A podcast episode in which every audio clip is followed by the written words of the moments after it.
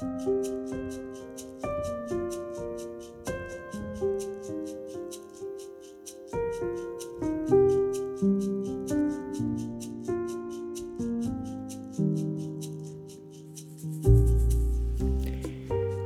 som sår med tårer, skal høste med jubel. Gråtende går de ut og bærer sitt såkorn. Med jubel kommer de tilbake og bærer sine kornbånd. Salme 126, 5-6. Naturen gir oss et mektig bilde på den åndelige virkeligheten, like reell som prosessene i skaperverket. Vi bærer såkorn frem. En stor, vid åker ligger foran oss. Verken såkornene vi bærer i sekkene eller åkeren viser tegn til liv. Ikke nå, ikke foran øynene våre.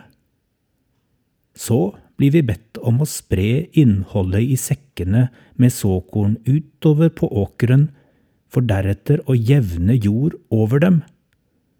Ikke bare så de livløse og sjanseløse ut, såkornene, da de lå i sekkene.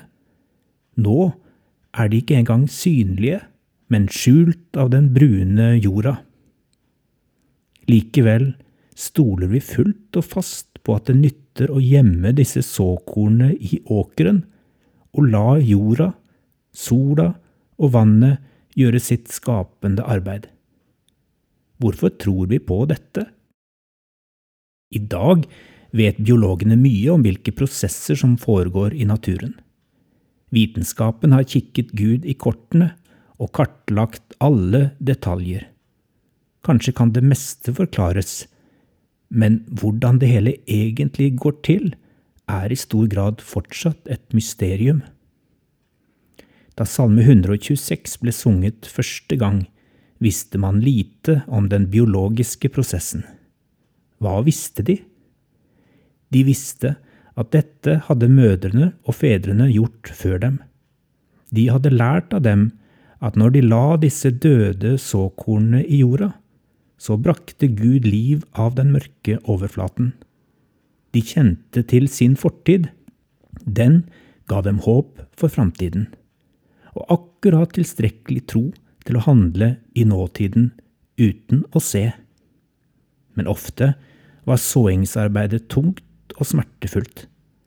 Derfor var det også et bilde på livssmerten, sorgen og kampen for å overleve.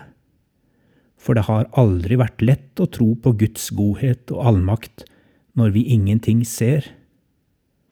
Men, sier salmen, den som sår med tårer, skal høste med jubel.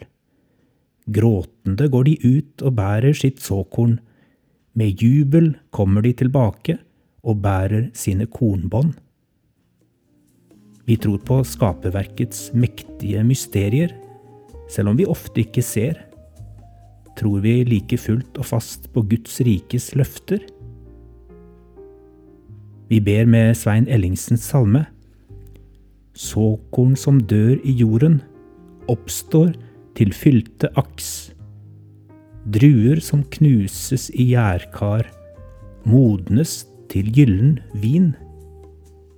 Gud, gi oss troen tilbake, tro gjennom dypest mørke, liv gjennom død og grav.